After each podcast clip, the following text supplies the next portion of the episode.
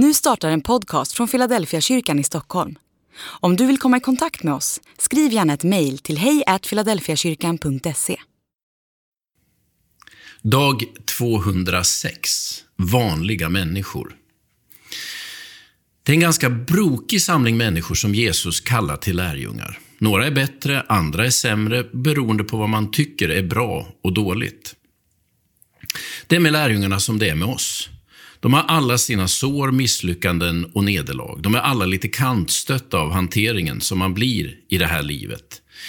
De har också egna drömmar om hur livet ska bli och vad de ska få ut av det.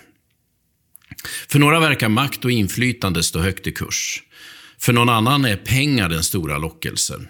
För en del är våld och konflikt den självklara responsen på andras, andras aggression. Trots att Jesus talat om att älska sina fiender och be för dem som förföljer, hugger Petrus av örat på en av tempelvakterna när de kommer för att fängsla Jesus. Man tror att flera av Jesu lärjungar hade sina rötter bland seloterna. En rörelse som inte drog sig för att lönnmörda för att uppnå sina syften.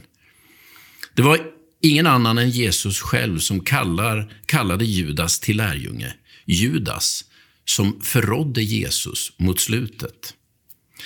Man kan vända och vrida på, de tolv apostlarna och deras olika personligheter, men det är uppenbart att de är människor och att de förblir människor även efter påsken och pingsten. Petrus faller för grupptycket när han kommer till Antiochia och Paulus anklagar honom offentligt för hyckleri och dubbelmoral. Det kan du läsa om i Galaterbrevet.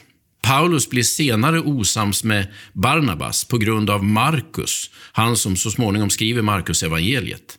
Paulus tyckte inte att Markus höll måttet medan Barnabas ville ge honom en chans till. Det står i Apostlagärningarnas femtonde kapitlet. Och på det viset har det fortsatt genom hela kyrkohistorien. Glöm alla bilder på helgon, för de finns inte att det finns enda sättet att fortsätta tro att det finns människor som är helgon är genom att hålla ett visst avstånd. Kommer du nära så framträder skavankerna.